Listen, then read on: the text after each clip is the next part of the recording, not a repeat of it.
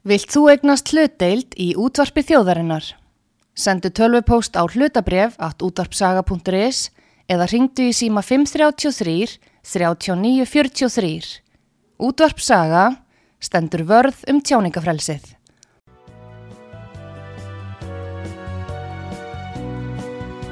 Sýteðis útvarpið á útvarpisögu í umsjón Arnþróðar Karlsdóttur. Komið þið sæli, Artrúð Gálsdóttir helstar ykkur frá útvarpi sögu. Það er komið til mig Lilja Alfriðsdóttir, menningar, fjölmjöla og viðskiptar á þeirra og um, ég ætla að ræða við Lilju um stöðu fjölmjöla og þá samkefni sem þeir eru í og fjölmjöla lögin sem eru í vinslu nú uh, en í ljósin í einstu frétta um vakstahækkun og verðbólgu, þá langar mig til að spyrja Lilja velkominu út á sögu að e, svona um þessi ummæli sæðlabankastjóra að e, verðbólgan hún sé raun og veru svolítið ríkistjórnin að kenna.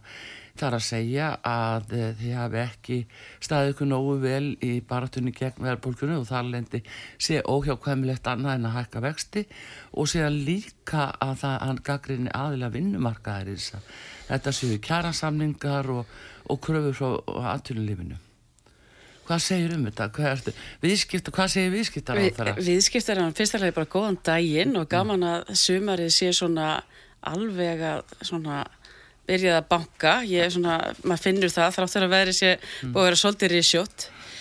Eh, ég verður nú að segja, ég, ég man ekki alveg eftir þessum ummælum sælabankastjóra. Það kom í Rúvíkjær. Sko, það er fyrst að segja að rót þessara verðbólgu hún er af ymsum toga Já. og ég ætla að byrja á því að nefna að e, það verður e, mikil e, þensla í kjálfarið á COVID og svo líka kom, er innflutt verðbólka í minna mæli þó hjá okkur vegna strísins í Úgrænu. Það sem enn stæðsti þátturinn er að raunlaun á Íslandi þau skera sig alveg úr ef þú berð okkur saman við hinn Norðurlöndin eða Bretland og það er mun meiri hagvöxtur á Íslandi og van áallar hagvöxtur, mikill kraftur í þessu mm, hagkerfi, ja. þannig að verbulgan kemur fyrst og síðast í, í gegnum e, þrótt mikið hagkerfi, e, mikla launahækkanir og þess vegna er mikil þensla. Hlutverk ríkistjórnarinnar í þessu ástandi er að bóða aðhald og fari aðhald ja. og það eru til dæmis uh, umtalsverðar aðhaldskröfur á mínu ráðanetti og við erum þegar byrjuð að uh, spara allstað það sem við gerum ég hugsa þessu, þetta eru 100 miljóna bara á, mitt ráðanetti ja.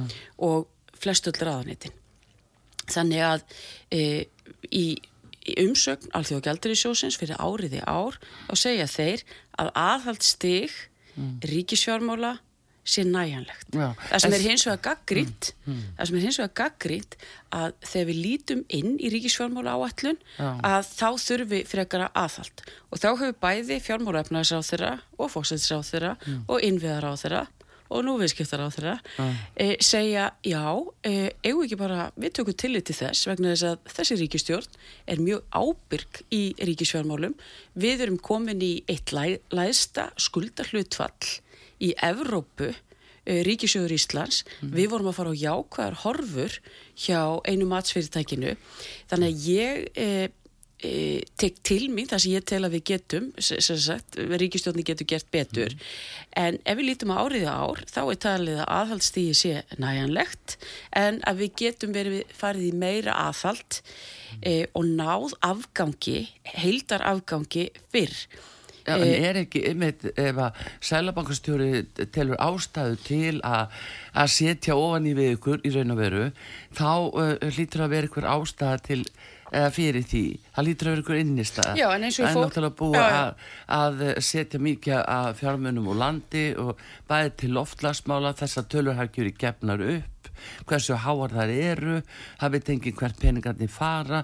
Það er jafnvel óhefmi mikið setti til Úkrænu og þær tölur er ekki alveg lík, fyrirlíkjandi að skiptir ekki öllu máli en það er allavega fólk horfið til þess það er fjár austur úr ríkisjöði það er eins og eigum alltaf nógan pening fyrir öllu mögulegu sem kemur eiginlega kannski ekki hennum almenna manni við hér innanlands. Þetta er gaggrinni sitt yfir að fá. Já, en þá ætlum ég hins vegar að, að segja eitt. E, allt í samvættu óper fjármál, allt í samvættu fjármál ríkisjós, mm. það er að finna í ríkisfjármál áallum eða í fjárlögum hvers ás. Það er allramt að það sé ekki hægt að, að skoða hvert þessi peningur fer og hvað er umfangið í hvernig einasta málaflokk. Ég þekki það mm. til að mynda í mínu ráðaniti, mm. ég, ég veit nánast hvert hver einasta króna fer vegna þess að við erum bara með málefnarsvið við fylgjumst með reyfingum í lokvers mánar mm. þannig að það, það, það held ég að sé ekki rétt megin þungi ríkisfjármála á Íslandi fer í tvent annars vegar heilbríðiskerfið mm. e, og útgjöld þar eru búin að vaksa alveg gríðarlega mm. og hins vegar í almannatryggingakerfið sem hefur vaksið gríðarlega. E, ég myndi telja að allt sem fer hér cirka e, sem sé hér innanlands sé minnstakosti e, 85%. Já, þú segir það. Já, og ég skal, bara, ég skal senda það í gögnum þetta, að, að það er rosalega mikilvægt um að ræða um mm. skatt stopna og að því að þú ert að lýsa tilfinningu fyrir því að peningarnir séu mögulega ekki... Þetta er umræðan. Já, þetta, þetta er umræðan. Já, og, þá... og það er bara spurning hvernig svarið því með samfærandi hætti vegna þess að þingmenn margi hverjir sem sitja í fjálaðanemnd þeir get ekki svara, eh, fá ekki upplýsingar jafnvel inn í fjálaðanemnd um ákveðna kostnæðiliði. Það er mjög sérkynlegt artrú vegna þess að allt sem við gerum, hver mm. einasta mm. króna sem við berum ábyrð á, vegna þess að þetta eru allt peningar mm. fólksins í landinu. -hmm við þurfum að geta gert skil á hverri krónu þannig að, þannig að það, það, þarna er einhver þarna er eitthvað sem uh, ég, ég kann ekki Nei, betri, en, betri skil á en hins vegar er það þannig, bara svo ég nefni það mm. ef við berum okkur sama við önnu ríki að þá er hér mjög uh, lítið atvinnuleysi, mjög hátt atvinnustig, mm. mikið tafvöxtur ég spái því að við verum komin í afgang og höldum já, áfram að greiða niður skuldir. Það er gott að vera bjassið en, en, en hins vegar það sem blasir bara við í daglinja Já, en, en veistu, sko, það, það sem blasir hins vegar við fólki núna það er þessi vakstahækkun þú sem hún er gríðarlega serðu álugur bæði á fyrirtæki og heimili en hvað ætlaði að gera núna? Til þess að gripa inn í þetta. Ef, ef er svo mikið kláfustur horfur eru góðar eh, skuldastaða landsins og annað þú segir mm. ef að þetta er allt svona gott akkur getur ekki komið strax til mósi fólk? Það, það sem við, við stýrum ekki peningastefni það sem peningastefnan er fyrst og síðast að fást við og það var mjög góð uh, kynning á aðalhagfyrangi Sælabankans Þórarni G. Pétursinni þar sem að fer yfir þessa megin þætti. Í fyrsta lagi er, því, er það vinnumarkaðurinn og þessi háu raunlaun og mjög uh, rausnalegir kjærasamningar mm. uh, þar er það er mikill kaupmáttur og Við... Ég sé að þú lýsir alltaf sko að það er mikið kaupmáttur og þetta er alltaf lítið svo vel út samt er þrengt og þrengt og þrengt að stórun hluta fólks í landinu að bara láttekju, meðaltekju fólki að fólk stendur fram fyrir en því að missa eignir. En nú horfi ég bara, Artur, ég horfi bara á töluna sem ég hef fyrir fram mig. Það, það, sem er, það sem er að gerast er það að það eru, á, það eru er stór hluti heimila mm. í landinu það sem eignarstaða þeirra hefur batnað verulega það breytir því ekki að það, það, það er núna erfiðar í staðaheimiluna út af auknum vakstakostnaði og sér í lagi mm -hmm. hjá ungu fólki og fólki sem er eldra og hefur ekki lífeyri e, eins og maður myndi ætla að þú ætti að hafa já, já, og þessi ríkistjórnin bara... hefur sagst ætla að gera já. að um leið og við, við sjáum það mjög glögt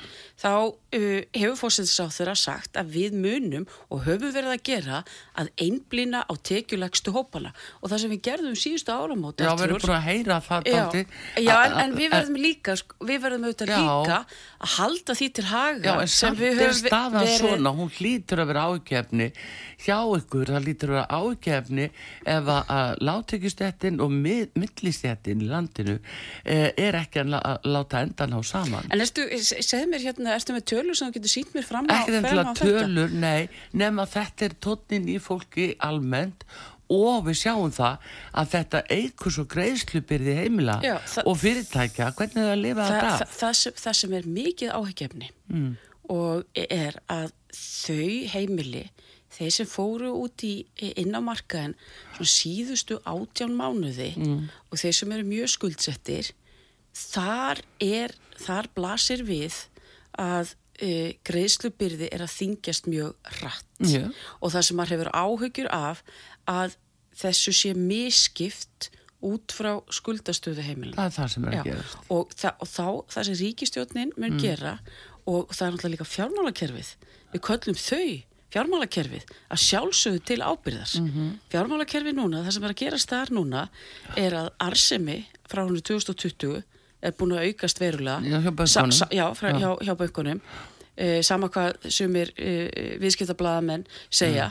Uh, og þa það er algjör, finnst mér, skilda þeirra að sjá til þess að það sé ekki teimili sem verði fyrir því að missa heimili sitt út af þessu verbulgu skoti og ef við höldum rétt á spilunum sem ég tel að séu meiri líkur á en minni að þá munum við fara í gegnum þetta eins og við höfum farið í gegnum eh, alla þá stormi sem við höfum lent í. En þetta er á lent í. venda heimilinn Já. og, og, og hérna húsnaðis eigandur fyrir þessu skoti að allir þið þá að leggja fram einhverjar ákvarða ákvarða tillögur um það að það stöð, stöðvar aðfaragerðir að heimilum Ég, ég get sagt því það, Arþrúr, að ég fundaði með öllum bankastjórum uh, viðskiptabankana Já, fyrir páska að því að, að því að mér er mjög umhugað mm. um stöðuna því að heimilin eru er, er bara, er, er, kjarnin í öllu sem gerist í hverju samfélagi. Og alveg og þú segir ef það er þrengt af heimilónum og endan á ekki saman þá er samfélagssáttin brostin En hvað með aðfaragerðina sem blasa við? Já, en blasa þær endilega, sko. Já, ef, ef fólk getur ekki borgað það Já, ég það- heyri hins vegar í samtölu mínum Já, og eftir að hafa bæði eh, fa- farið mjög umgjafilega yfir eh, ský, skýslur frá Sælabanku Íslands um stöðu heimiluna að eh, það, er, það þrengir verulega að en við erum ekki komin á einhvern slíkan tímapunkt. En Þetta eru bara hættumerki. okkur- Það eru algjör hættumerki Já. en það sem við gerum auðvitað er að við gerum það sem gera þar til að ná þessari verðbólku niður og það mun svo sannarlega ekki e, skort upp á það hjá þessari ríkistjórn sem er mjög reynd, hefur farið í gegnum COVID-ið og ég hef nú setið meira og minna unni með e, sjálfstæðisflokknum e, í meira en já, í, í tíu ár og við höfum nú tekist á við e, kröfu hafa við leiðrættum hérna, skuldir heimilin og síður á, hérna e, núna fyrir hvað, átta, átta Já, já, árum á eða svo. tíma, á sínu tíma þannig að það, skortir það skortir ekkert hugmynda auðgi hjá okkur Nei, nei. Að þetta fást við þessu stöðu Þetta er svona spurningin um núna hins vegar. Það er kallað á, á breytingar og kallað á aðgerðir en ég ætla að lilja að því við höfum ekki nema takkmarkaðan tíma ég ætla að snúa mér að stöðu fjölmila og það er náttúrulega alveg þitt sérmál. Og hérna uh, það er spurningin þú ert að breyta uh, fjölmilalögunum og ert að láta vinnu fara fram. Hver er staðan á því? Hvernig sérðu fram á helstu breytingar að, lagfara þessa samkefni stöðu engar ekina fjölmila anspannis rúf Já, sko, það er e, forgangsmál e, núna, flestar þar atvinnugreinar sem ég er í fósfari fyrir, hvort heldur að sé ferðaþjónustan, kvikmyndiðnaðurinn, tónlistin, hönnun, myndlist, e, það gengur mjög vel allstaðar. En það sem gengur ekki vel er að það hefur verið staða fjölmiðla, ekki bara á Íslandi, heldur á heimsvísu, hefur gjörbreyst með tilkomu teknirisa og vestnandi samkjömstöðu. Mm. Og þetta er mjög alvarlegt vegna þess að bara eins og í þætti eins og þessum Já. þar sem Artrúr Karlsdóttir spyr viðskiptar ráþeirann, gaggrina spurninga og, og, og saumar að ráþeiranum er mjög holdt fyrir líðræðið. Mm. Það er mjög gott að þegar við erum með e, þaulreinda þaulreint fjölmjöla fólk mm. sem e, er með þannig reynslu að það spyr gaggrina spurninga og veitir kjörnum fulltrúum líðræðislegt aðhald. Það er alltaf hlutverk fjölmjöla að veita Já. stjórnvöldum aðhald á hverjum en- tíma. Já, Þannig að við erum svona kannski, fjölmjölanir erum svolítið eins og stjórnarnasta, hvað það var það. a- og, og ég ætla, að, ég ætla að fá að klára þetta vegna mm. þetta, er, þetta er ekki þú sittur þarna Arþurur og þér finnst þetta auðvitað sjálfsagt en það sem við sjáum er að fjölmiðlum er að fækka. Og það er þróun sem ég hef stórkostlegar áhyggjur af og ég ætla að segja hvað við erum að gera núna til þess að reyna að sportna við þessari þróun. Í fyrsta lagi eru við með uh, starfsóp sem er, mun, uh, er settur á laginnar og þarf að skila uh, hratt og öruglega sem hefur það hlutverk að draga úr vægi rúf uh, á auglýsingamarkaðnum. Við erum búin að stúdra það mjög vel, við teljum að það sé ekki skinsanlegt að taka rúf af auglýsingamarkaði vegna þess að auglýsingatekjunar mm. eru mjög líklegar til þess að fara í auknumæli til Facebook, Google og YouTube. En hugmyndin er, og hef, ég hef tjáð út að stjóra þetta, að auglýsingarna verði í svo kallu pant í stað þess að e, þau hérna í raun og veru fari í svona mikla markasetningu og auglýsingunum að þá get, geta fyrirtæki og einstaklingar pantað auglýsingar. Þannig að umfang auglýsingadeildarinnar mm. á að minka. En hvernig getið þið haft eftirlit með þessu? Uh, það, ég, ég óttast það ekki og ég, hérna, þetta er þá settin í þjónustu samning. Við erum að vinna að þessu Já. og þetta eru miklar, þetta eru miklar, hérna, þetta eru miklar kjærusbreytingar. Þannig að uh, teknar sem eru uh, af ölsingu hjá Rúf í dag er um 2 miljardar ef ég veit rétt. Hvað eru þið þá að gera fyrir miklum tekistofni með þessum breytingum? Um, Hvað sem mikið skerast að við þessu? Það er, það er erfitt að segja það. Það sem, það, það sem mun gerast að það er ákveð súrefni sem myndast fyrir aðra fjölmila og ég ætla að segja það að það er, það er hagur allra fjölmila á Íslandi að standa vörð um þennan auglýsingamarkað og ríkisútvarpið hefur verið fyrir, fyrirferða mikið en- en, en, við skulum samt sko hafa það líka á hreinu að e, hvað, hvað myndur að halda að ríkisútvarpið væri með mikið hlutfalla auglýsingamarkaðan? Þeir eru með, uh, jafnvel, uh, hvað, 50%, 40%? Þeir eru með 20%, þeir eru með 40% á ljósakamilum. Já, 40% Á en- Ég er nefn kannski þar í þeim Já. tölum, en það er samanlýlega, mér langar að spyrja um í tengslu við þetta, að þú talar um að þetta færist yfir á netmila. Nú störfum við engareikni fjölmilar í þeirri aðstöð, með þar aðstöður fyrir framann okkur. Við þurfum að greiða virðsöka skatta að seldri, seldum öllusingum öru og þjónustu, en ellendum milarnar ekki.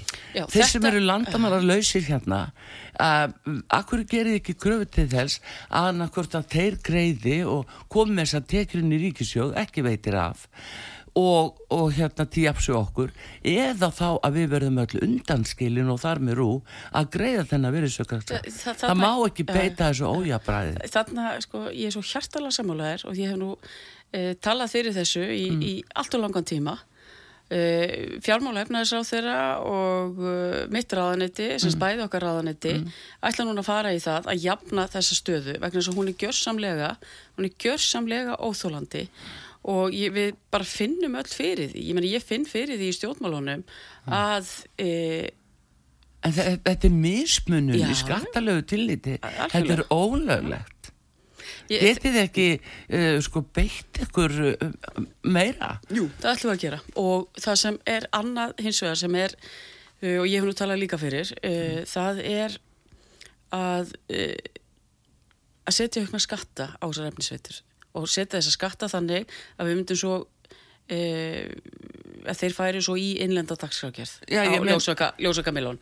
En það sem er hins vegar að engur ríki, ég meina breytar fóru uh, í þetta árið 2016 og ætluðu sér að skatleggja þessa miðla og efnisveitur og þeim hefur ekki enn tekist það.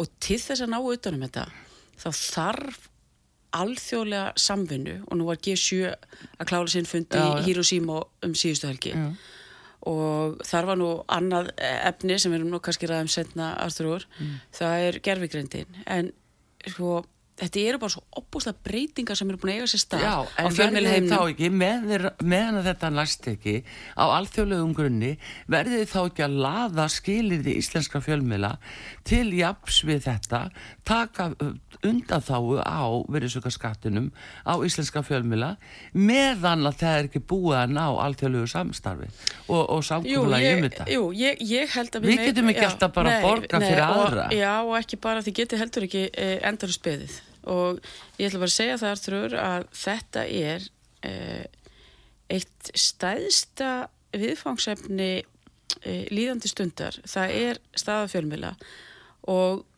það er, það er þannig og við sjáum það bara að það er ákveðin fylgni á milli þess að e, milli þess að það er dvínandi stuðningur við líðræði á heimsvísu og e, minna um rétt styrða fjölmiðla. Það er að segja, mm. ef þú ert ekki með mentaða og reynslu mikla, mikið fjölmiðla fólk, mm. þá mingar aðhaldið og fylgni við líðræði sjálft mm. og hérna, við sjáum það að e, bara í könnunum að stuðningur við líðræði er að minga og ég tel að það sé nátengt vestnandi stöðu fjölmiðla Já, á heimsvísu. Margt náttúrulega þetta er alvarlegt til dæmis líka hér að, að hér hafi fallið hvað tveir eða þrýr fjölmiðlar og þar að tveir ljósakamílar á árinu. Þetta er auðvitað mjög alvarleg staða sem við veist einhvern veginn að þið ættu að láta til ekki að taka með hlýðsjón af því hver eða hverjir. Þetta er bara í grunninn uh, réttur og mikilvæg, mikilvæg réttur fólks og til almanna heitla að séu fleiri rattir. Þá ætlum ég að nefna anna, an, annað artrúur sem mm. við erum að fara að gera. Við erum að fara að setja núna inn og það er svona e, e, sem sagt að því að við erum í aðhaldi allstaðar mm. eins og ég segi 100 miljana á, á hvert einasta og miljardar á sömurraðaniti en uh, ég fekk þó fjárveitingu uh, sem tengist því að setja fjölmiðla eh, eða sérst ákveði ák, þess að við erum ekki búin útvartalagfræðilega eða eh, sérst að setja fjölmiðla eh, undir eh, sérst, ákveðin grein í almannaheitla lögunum mm. að fjölmiðla getur nýtt sér hana að þannig að þú ert að, í áskrift mm. að þú getur fengið skattafrátt En þá ert að tala um, sko, þá ertu líka farin að mismuna, það getur ekki allir haft áskrift, hvernig ætlar að setja áskrift Nei. til dæmis og útvar Já, en þá, en það sem við getum gert eins og þar mm. er alveg eins og þú ert að nefna við getum ekki beðið varðandi þessa mismunun á vaskinum og ég er sammálaðið því, við, minna, við erum búin að vera að tala um þetta allt og lengi, það er, það er í fyrsta lagi svo í öðru lagi er þessi staða varðandi e, almanna heila hlutverki og það er líka Lilja og, og svo erum við náttúrulega með þetta stuðniskerfi sem ég held að e, flestir fjölmjölar séu að nýta sér og er núna Nei, byrjum, ekki við já, já, við getum nú við En sko, nei, menna þér að setja e, líka þér að setja sko Já, nei, veistu að Lilja það er náttúrulega bara sér mál og allt og mikið skriffinska og kannski ratar ekki á réttar staði fyrir bræði.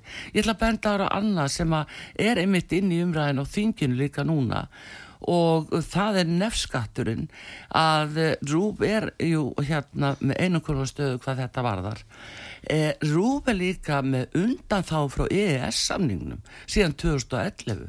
Þeir eru með undan þá til að fá að vera í þessari stöðu breytist það nú ekki já, síðustu tíð? Nei, svo máli er að 2013 voru, var máli lokið hjá ESA og það áttu, Ísland átt að fara eftir þeim skilurum sem sett voru. Það er ekki fyrir að þú kemur í ráðniti sem þú fyrir að, að, láta rúfsetja reksturinn í dóttufjöla mm -hmm. sem átt að gera 2011 Já, það gerði ég nú. Já, þetta gerði þú og bara takk fyrir Já, en, en, nei, sjáðu já, já, já. að þetta er óbærilegt fyrir okkur að starfa við þessar aðstæður þessi um með forrættindastöðu og fáið þetta sjálfkvæður úr, ríkisjóði Ég held að það sé kannski fyrir eitthvað sko, það sem ég passaði upp á síðasta kjörstjumabili, það var einmitt að, að, að rúf væri sérst, að, sérst, að þessi, e, þessi laglega skilda mm. og þetta ákallum að, að aðskilja almannaheilla þjónustur annars mm. vegar og samkjöfnisreksturinn hins vegar. Mm. Við gerðum það með því að stopna dóttufélagið mm. og ég held að það hefði bara verið til heilla og, og þá er þetta bara meira gagsægi og mm. skýrleiki og svo erum við auðvitað að taka fleiri skref en það sem þú er kannski líka svolítið að fara inn á og ég hef alveg sagt að, að þetta sé, ég sé alveg opinn fyrir því að, að, að skoða þetta sem tengist nefnskatnum. Hvort það ætti að vera til dæmis hluti af þessu uh, ætti að vera valkvætt að segja að þú fær skattaskísluna að þú segir já uh, ég, ég tel að þú eru alltaf að vera ákveðin grunnur nefnskatturinn sem þurfa að fara Já, til þangað. ekki spurning. Og, og ríkisútvarpið gegnir mjög mikilvægu uh, hlutverki í, í, í íslensku menningarlífi frétta þjónust og svo framhans en mögulega væri hægt að nota hluta af þessu nefskatti sem væri hreinlega val uh, sem væri hreinlega val hérna frjáls. Og, og ég get bara sagt því það Artur og þessu tímapunkti er ég opinn fyrir öllum þeim hugmyndum sem eru til þess fallnar að styðja við íslenska fjölmiðlar. Íslenskir fjölmiðlar bera uppi tungumálið okkar, gaggrina umræðu, veita stjórnvöldum á atvinnulífi mikið aðhald og, og staðan er ekki góð. upplýsingum um, uh, um náttúrulega fjölmart annað í samfélagin en Lilja sko þá ég er nú bara að segja varpa þessu uh, svona til þín. Eins og nefnskattur segjum að það væri tekin ákveðin hluti af nefnskatti sem væri þá valkvæður fyrir engarekna fjölmila þar að segja að sem tekjustofn. Þá hefur fólki í landinu líka frelsi til að velja bæð út á landi, þeir geta valið sína landsbyðamila og stuð þá. Og síðan hérna fólk hér í þéttbíli e, þannig að þetta er því kannski miklu heilbyrðari dreifing á þessum tekjum. Þetta myndi spara skrifræði, þetta myndi spara ríkisjóði, spara, spara, spara spara ríkisjóði skilur Lilja, það eru fullt af kostum vegna þess að allar þessar nefndir og útlutun og þetta og hitt og allt þetta bírokrati í kringum þetta það er svo dýrt. Þarna er þetta bara einfalt, rafrænt, nútímalegt og fólk getur valið á hverju ári. Þannig að enga miðlandi sem alltaf sækjast í þetta þeir þurfa að standa sér miklu betur heldur en nú í dag. Vegna þess að þeir hefa enga tryggingu fyrir því. Þeir eru að veita styrki sem eru farin að jafnvel fjölmjöla samsteipur hversu vöndu dasgáð er það í gangi sem að, að fjölmjölin er að fara inn á? Það bara fjöldi starfsmanna. Hver eru gæðin sem þeir eru að borga fyrir? En það er hins vegar Þannig muni já, það- já, að það, ég ætla samt aðeins að sko, hérna, fá að andmæla einu að e, þetta styrkjakerfi er hreinlega bara norrætni fyrirmynd og Norðurlöndin e, bregðast við þessari sko, það sem er búið að gerast varandi þessar erlendu efnisveitur er að alþjóðavæðingin verður sem sagt, menningarleg í miklu ríkara mæli en áður hefur verið og hvað á ég við? Þegar við byrjum með frjálsviðskipti er að hérna þegar Kína og fleira við erum að hérna selja fiskin okkar og, mikið hérna frjálsræði og sem er bara fagna vegna þess að það er ykkur lífskjör. En við höfum ekki haft svona mikil þjónustu viðskipti í menningatengdu efni fyrr Já, hver hefði trúað því að við værum við getum valið hér um sko fjölda sjómastáta í gegnum tæki sem við bara tökum með upp í rúm hérna og getum valið bara þætti frá Kólumbíu bara allstaðar að úr heiminum með áskrift sem kostar ekkit svo mikið. Já, ég er að segja, sko, að fara umfylgjastu leiðina að þessu leiðinu Já, og, ég, og ég, eins og ég segi, Artur, ég held að hún alltaf fundið það á mér að ég er mjög lausna með í þessu, mér finnst þetta að vera uh, ég uh, sem ráþara málaflokksins, ég ég vil gera betur. Já. Ég er mjög ána með allt annað sem maður er að hefur verið að sísla með og getur sínt, get sínt fram á mjög góðan og umtalsverðan árangur Já. en, en þessi staða er eitthvað sem uh, við skulum ná betri tökum á og ég vonast til þess að geta setið hérna eftir átjármánuði mm -hmm. í stólnum. Já, verður velkomin. Og, og til, til þess að geta sett, já við klárum nú þetta og þetta já. og þetta.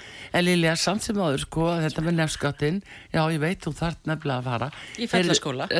Heyrðu, en þetta með nefnskatti Lilja eh, finnst þér að þetta sko nú veit ég að bæði normin og finnar hafa verið að skoða þetta, þetta mm -hmm. úræði og jáfnvel að það sé komið til eh, framkvæmda í Finnlandi og að þá eru bara enga reikni fjölmjöla með hluta nefnskatti finnst þetta og óbáslega mikið sátta miðlun í þessu máli. Mm -hmm. er þið miklu meiri sátt á milli aðila því að núna eins og þetta er, ég ætla að miskust að hafa sagt að við þið, þá er það raunverulega kapasent gallup sem ræður því hvert fjármunir fjölmjöla fara og ég skal segja þér, í framkvæmt er það þannig, það eru bara þeir sem borgar til gallup, þeir fá mælingar og það er raunverulega höfustóllina á tölunum sem er sagt að sé hlustunatölur og áhorstölur.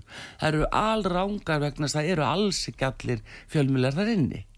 Þannig að með því að fara nefnskattsleðina þá far þú í fyrsta skipti sem fjölmjölar á þeirra að vitum raunverulega hlustun, áhorf og lestur íslenska fjölmjöla. Því að það tölur ekki til í dag. Nei. Lilja, ég skor á þig. Eh, við skorum á þig hér á útafisögu. Takk fyrir komina. Takk fyrir miklu frekar. Takk kærlega hérna, fyrir ykkar störf. Og við fylgjumst með þessu vel. Algjörlega. Lilja Alfersdóttir, menningar fjölmila og virskiptar áttra búin að vera hér eh, á flegi ferð og Artrúðu Kallstóttir þakkar henni fyrir og ykkur hlustendu góðir taknum aður eh, Einar Katt Gunnarsson og Bræðir Einarsson. Verðið sæl. Kæra þakkir.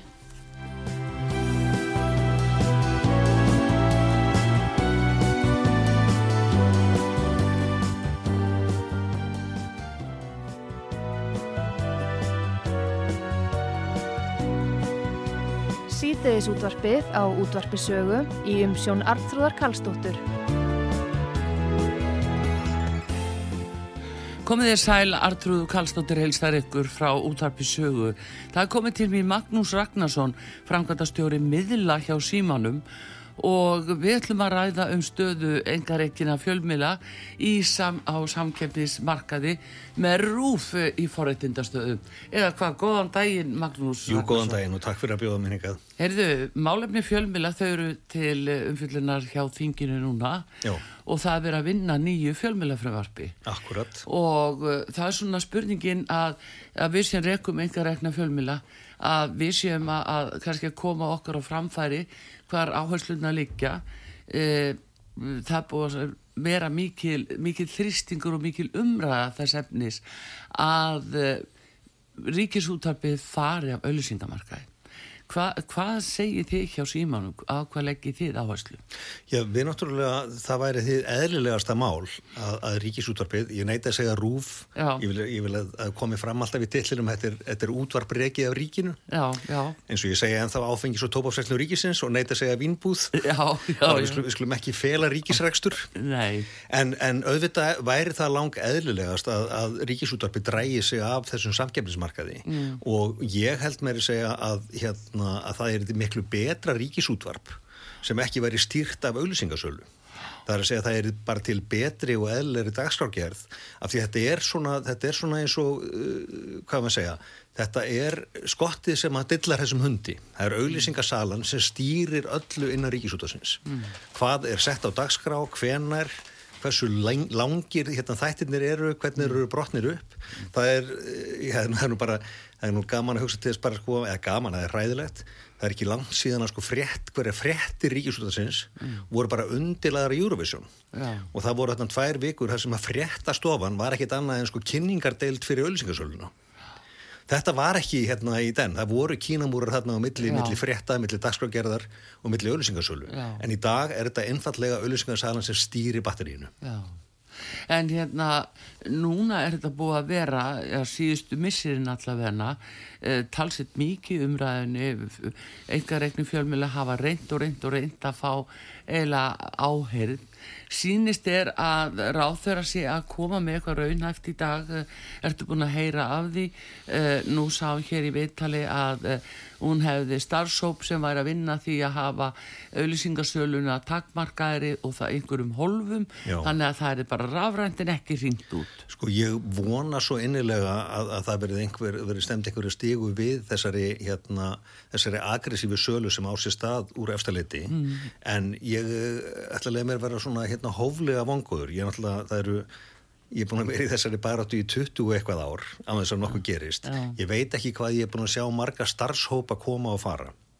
Það er að segja sem hafa tekið út hérna, starfsemi ríkisútasins samkeppnis eftirlitið hefur, hefur sendt frá sér yfirlýsingar um að þetta sé sko óhæf, óhæft fyrirkomulag Já. og það gerist aldrei neitt og það er hérna, það þarf hugaða stjórnmálamenn til þess, að, til þess að fara í þetta eins og það er mm -hmm. það var náttúrulega breytt tölverðu með þessari, þessum stuðningi við engareknum fjölméluna sem er settur laginnar fyrir hvað er það þrjú ára eða fjögur og uh, en í rauninni þá var bara verið að, að hérna, setja plástur á annan plástur Já. að mínumatti. Það er að segja að það var ákveðið að styðja suma fjölmila og þetta nefndir til þess að skerur hvaða fjölmila væru væru hérna, stuðningshæfir eða hvað. Mm. og sama tíma og þessi stuðningu var til sko, þá hafa hérna, framlegu til ríkisútasins sko, hækkað enn meira. Já, en...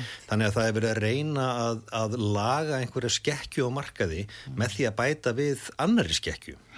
Til dæmis, hérna, mm. símin er ekki, er ekki stuðningshæfur í þessu, hérna, því við rekum ekki fréttastofu. Þó svo að við séum að, að, að sinna málefnum líðandi stundar á einhvern máta Já. Já, það er nú einmitt þetta en eh, eins og þetta lýsa þessu að um, þetta stuðnískerfi það verður alltaf eh, nokkuð persónulegt það verður bara að segjast eins og er já, já. það er frá einu tíma til annars en reglunar eru, eða viðmiðin eru sett já, eitt af því er til dæmis í kjölfar COVID að það sem að tekju falla mikið hjá fjölmjölum og, og hérna, þó mismunlandi en þá eh, er lítið til þess ef að fjölmjöla skulda til dæmis sem þeir gera jafnvel af því að gekk vel á, árun og undan. Já, já. en þá hérna er þeir með skuld, skattaskuldir og þá fáður ekki styrk eins og til dæmis við.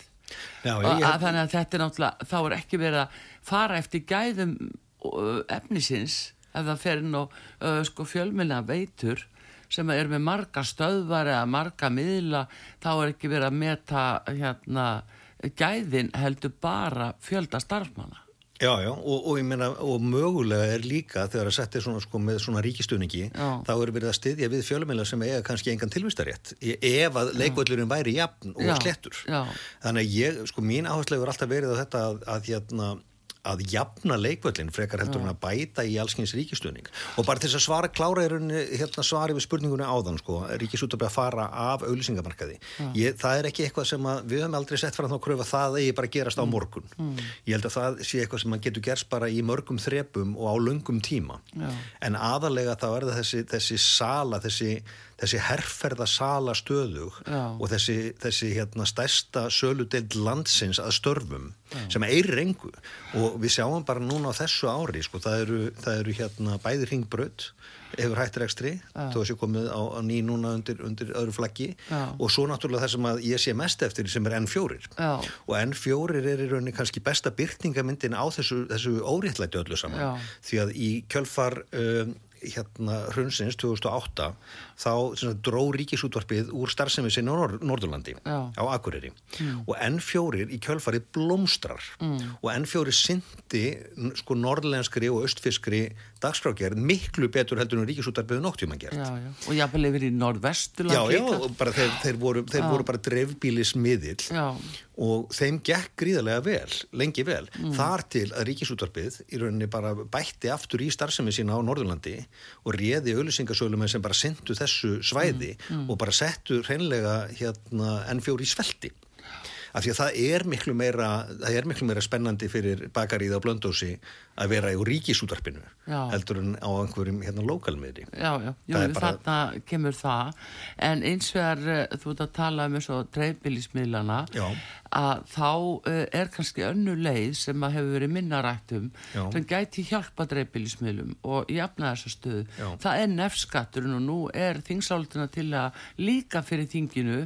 Ég rætti þetta verið áþrann nefnitt áðan að uh, ef það væri bara partur af uh, nefnskattinum sem fólk fengi bara velja sjálft hvaða miðil það vil hérna, styðja að getur skipt á hverju ári þá er þetta orðið miklu ódyrara fyrir ríkið og mikil sparnaður og rafrænt og miklu fljótvirkara.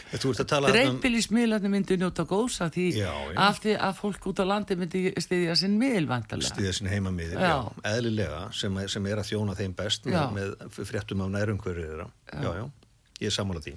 En hvað finnst ykkur hjá símanum um að, að þessi leið verið farin það verið að ræða hana bæði Nóri og Finnlandi að, að það verið hluti nefnskattarins að hann verði belinni settur uh, í pott sem við engareknum fjölmjöla myndum þá sækjast eftir bæta efnistök og Jú, það er ein leiðin, svo, mm. svo er önnu leið í rauninni bara að hver, hver skattgreðandi fá að velja hvert hans hérna, skattur rennur, bara eins og, eins og hver hann er sóknagjöld og, og það mætti verið þá hluti af, af, af útaskjaldinu eða, mm. eða allt útaskjaldi sem mm. getur bara rástafað að eigin vild. Já. Mér finnst það í rauninni þá, þá kemur fram einhver vilji fólksins mm hérna, hvaða miðlaðir vilja stilja, styðja mm. en sko í, í fullkonum heimi þá, þá myndi ég nú vilja sjá sem minnst af ríki stuðningi Já. til fjölmjöla mm. ríkið hefur ekkit verkefni að reka fjölmjöla Nei Svona í mínum huga, ekkert frekar en að ríkið eigi að vera að reyka dagblaði eða auðlýsingaskildi eða nokkuð skapaðan hlut. Já, en þá er einmitt þessi nefnskattsleið, hún er svo kjörinn fyrir það er sagir, þarna er því svo mikið spartnað, það er enga nefndir, það er engin flækjur, engin flækustuð og, og, og styrkir og annað, það er bara spartnaður hjá ríkinu, já. en uh, þetta er þetta fjölmjölagjald sem allir þurfa að greiða. Já, já, ég, sko ég er ekki hrifin af þessu útaskjaldi eins og það er útfært í dag, uh, þar að segja að það sé greitt að hverju einustu kennetölu landsins annar en þrótabúum lögæðlu líka.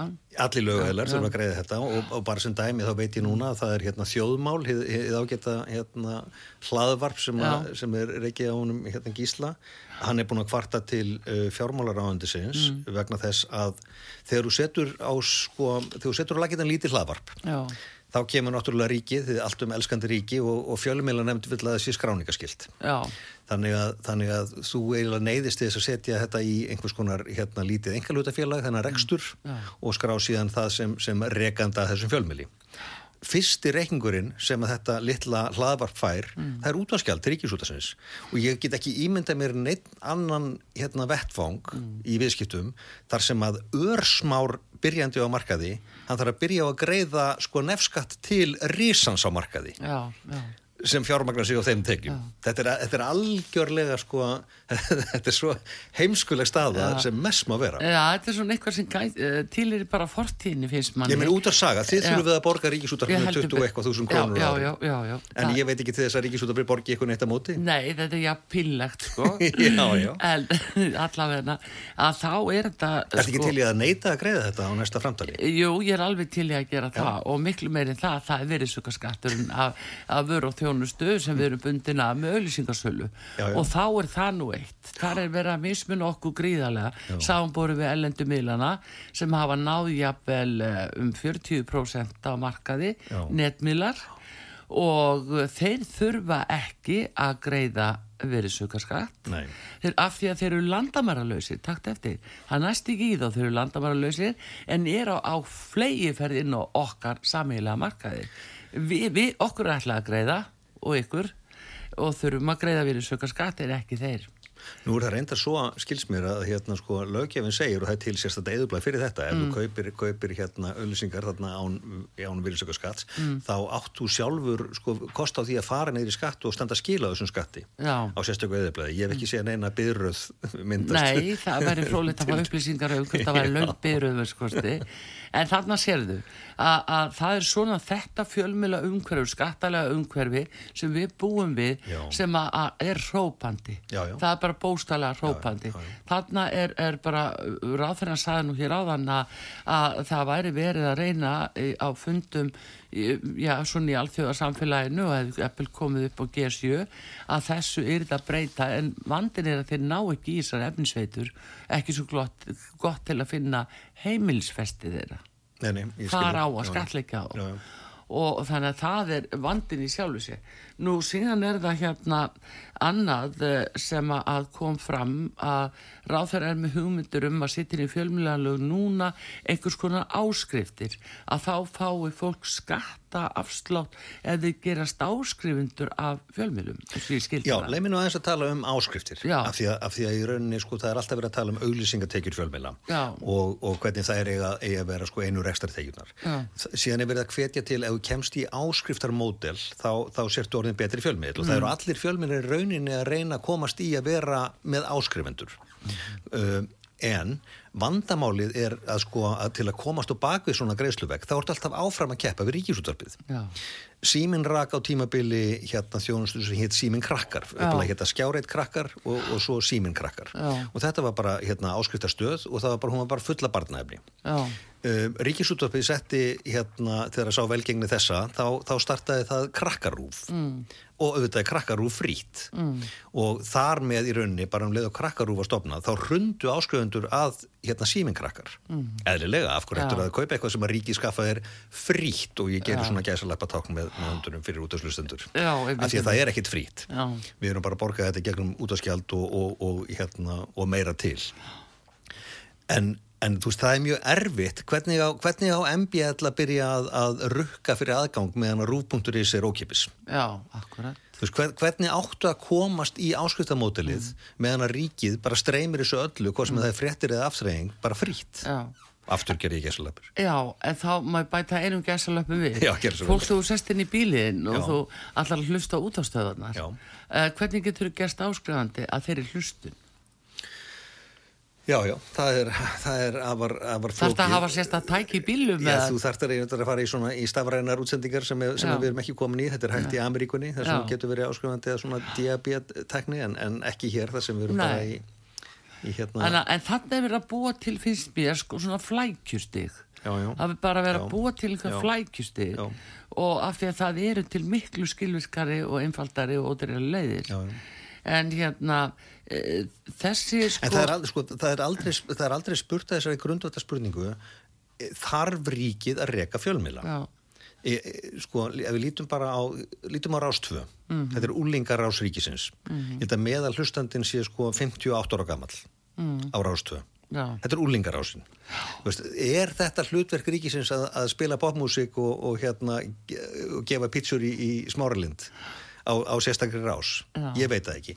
Ég held sannlega ef að teknin væri þessu miklu peningar sem við settir í ríkjúsútarpið og settir einfallega inn í hérna kvikmyndamiðstöð eða mhm. einhvers konar framleyslu sjóð þar sem allir getur sótt á mm. þá er þið miklu skilvirkari framleysla og meiri á efni Já. Ég held að ríkistofnun upp í afstaleiti sé ekki besta tækið til þess að framleiða menningarefni. Næ, þú segir það, en nú er þú nú með svolítið reynslu þarna þessu sviði, já. þá ég við frá því að þú ert aðstofamaður uh, mentamálar á þeirra á sínum tíma já, já. og sá ráð þeirra Ílíði Gunnarsson, hann lagði gríðarlega áherslu á það að ríkisútarpi fengi sko ernamerta fjármunni mm sem að þeir áttu að deila til kvikmyndagerðar. En síðan síndi það sig að í skýslu ríkisendur skoðunar sem kom út uh, í lokast 2018 minni mig að það er það bara svart skýrsla af því að þetta fór allt innanhús í félög starfmanna innanhús sem átt að fara til kvikmyndagerðar. Já, já, það er... Það, er, sko, það all... broti rosalega á kvikmyndagerðarmönnum. Já, þetta, þetta hafa verið kröfur sko um að, að, að x prosent af, af, hérna, af, af því sem er rástafað í til og með sleiki efni já. á að fara út fyrir húsið já. en já, það eru, það eru mjög skapandi leiðir til þess að fylla þessi skilirði og, og Ríkisúttab hefur alltaf verið mjög skapandi í, í aðgerðum til dæmis þegar hefur verið reyndað hérna, takmarka auðlýsingaframleyslu eða mm. kostanir eða eitthvað slíkt mm. það er, sko, vatn leitar alltaf leiða mm -hmm. Já, það er svo sannlega. Það spurningum hvað farvegu það er.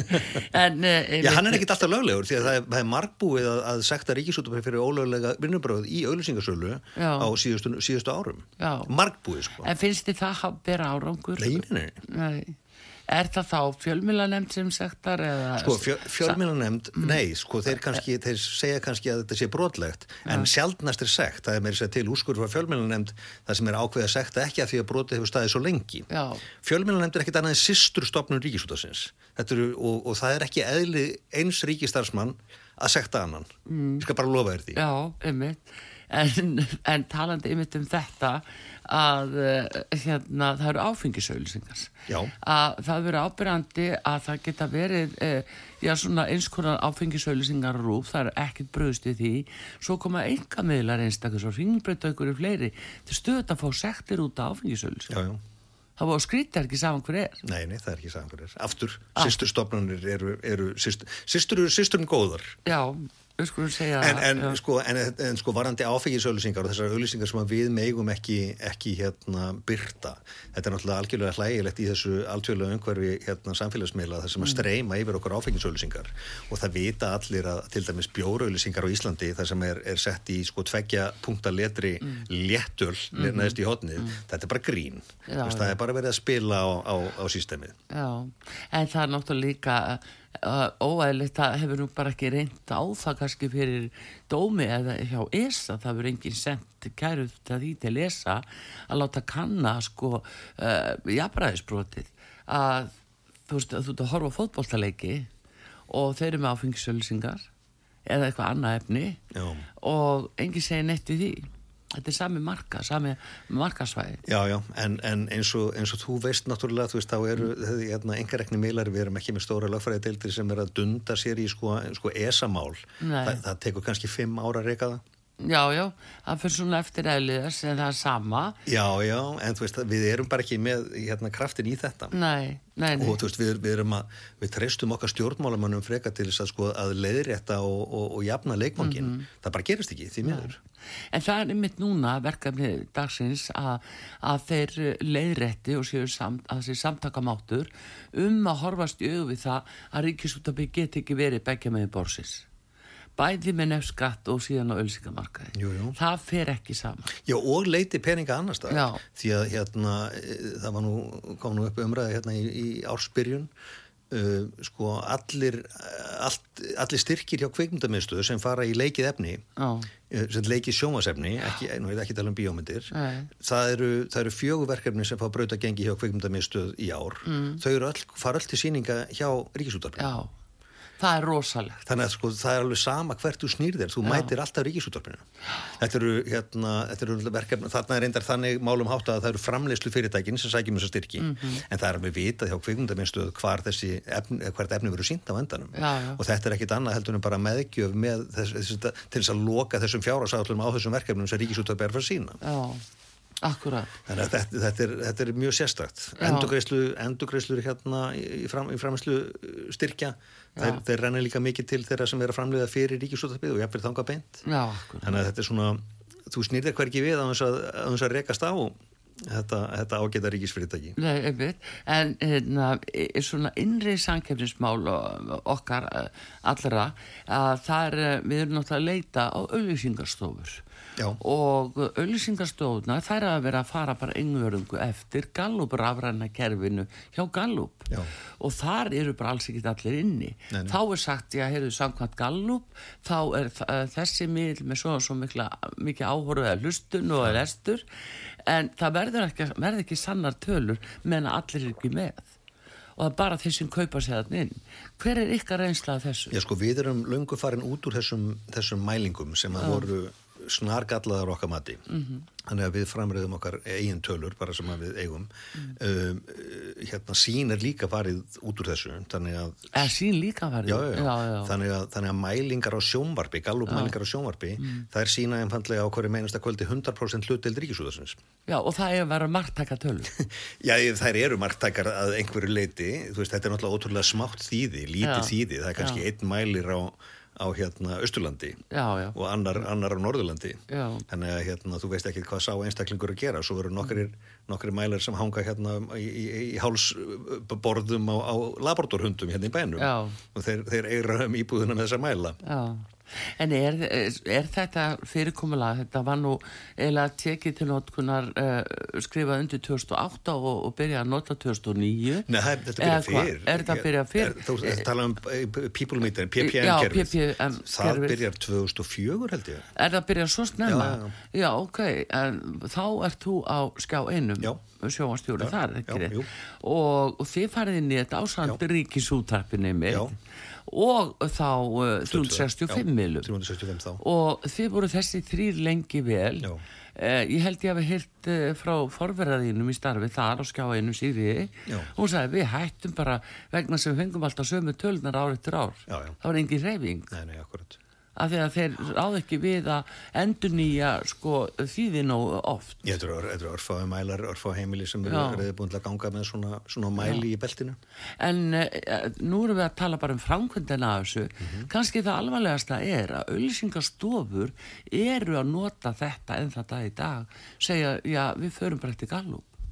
Jú, jú, og þú ert ekki gallu en, en það eru aðri kvatar kannski í auðlýsingastofu kerfin öllu saman og það, er, það eru hérna, svo kvöldu þjónustu laun Já. sem eru greitt af þessum miðlum sem eru í þessu kerfi og eru, eru greitt til auðlýsingastofuna þannig að fyrir hverja en það er undir borðið, það er 15% undir borðið. Það er 15 upp í 20% Já. stundum hérna, sem, sem skýrir vinseldir sumra miðla fram yfir aðra. Já En já, já, þannig að þú veist, ef að, að auðlýsingastofa eða byrtingahús kaupir auðlýsingar fyrir mm. miljón, þá mm. fá þeir kreditnótu upp á 150.000.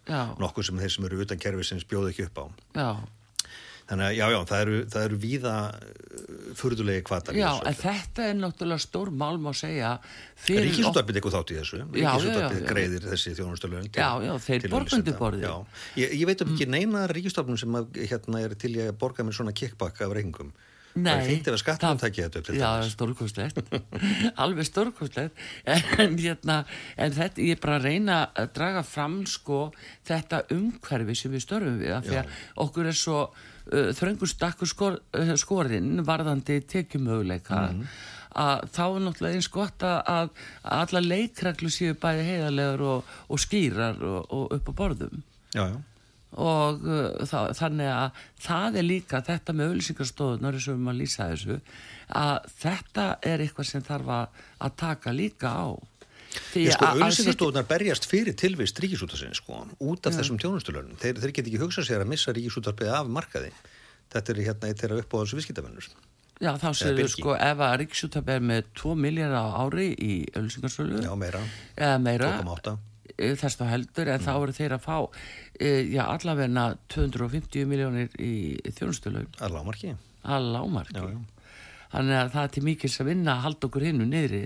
Já já Það, þannig að þetta er og, og meira, ég heyris með suma stjórnmálamenn sko segja hérna, þetta sé nöðsynlegt að, að halda þessum vettvangi fyrir auðlisendur á lífi Já. sem er stórskrítið. Mm. því að ef, að, ef að það er, er hlutverk ríkisins að búa til vettvang fyrir auðlýsingar þá vil ég bara fá auðlýsingarskilti á alþingisústi pronto Já, það var bara Já, þetta er bara frábær, er frábær það er algjörlega frábær gaflaðna, mjög ábærandi margir túrust að sjá hann, þetta mætti auðlýsa hérna allan fjáran, en þetta Já. er bara ekki hlutverk ríkisins Já. að skapa pláss fyrir auðlýsendur, það getur ekki verið eina af grunn þjónusastóðunum Nei bara aðtíkilsett en líka ef þú sittur í spór uh, uh, líka sko uh, þeirra sem að eru að, að bara með ákveði fjármaks sem þeir uh, setja inn á ölsingastofu segja svo ég hefðu sett þetta á alla miðla Já.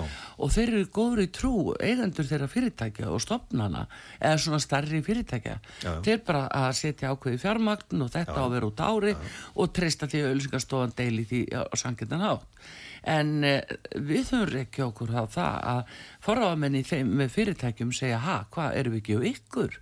Við báðum um að væri öllum meilum Skilur, en þá er búið þessi handafinna að velja kannski bara þá meila sem er hjá Gallup. Jújú, vissulega. En, en sko þessar Gallup-mælgar eru, eru degjandi þær, þær eru ekki vetusætjandi og hafa ekki verið lengi og og þetta er nú svona að, að hrinja þetta, þetta gamla kerfi. Já, þetta rafræna það, það er miskustu búið að loka því viða í löndurum í kringum okkur. við byrjaði fyrst þannig í Breitlandi og það var bara því að loka eftir nýju mánu út af bara missaði mig uh, á milli lítilla og stóra fyrirtækja.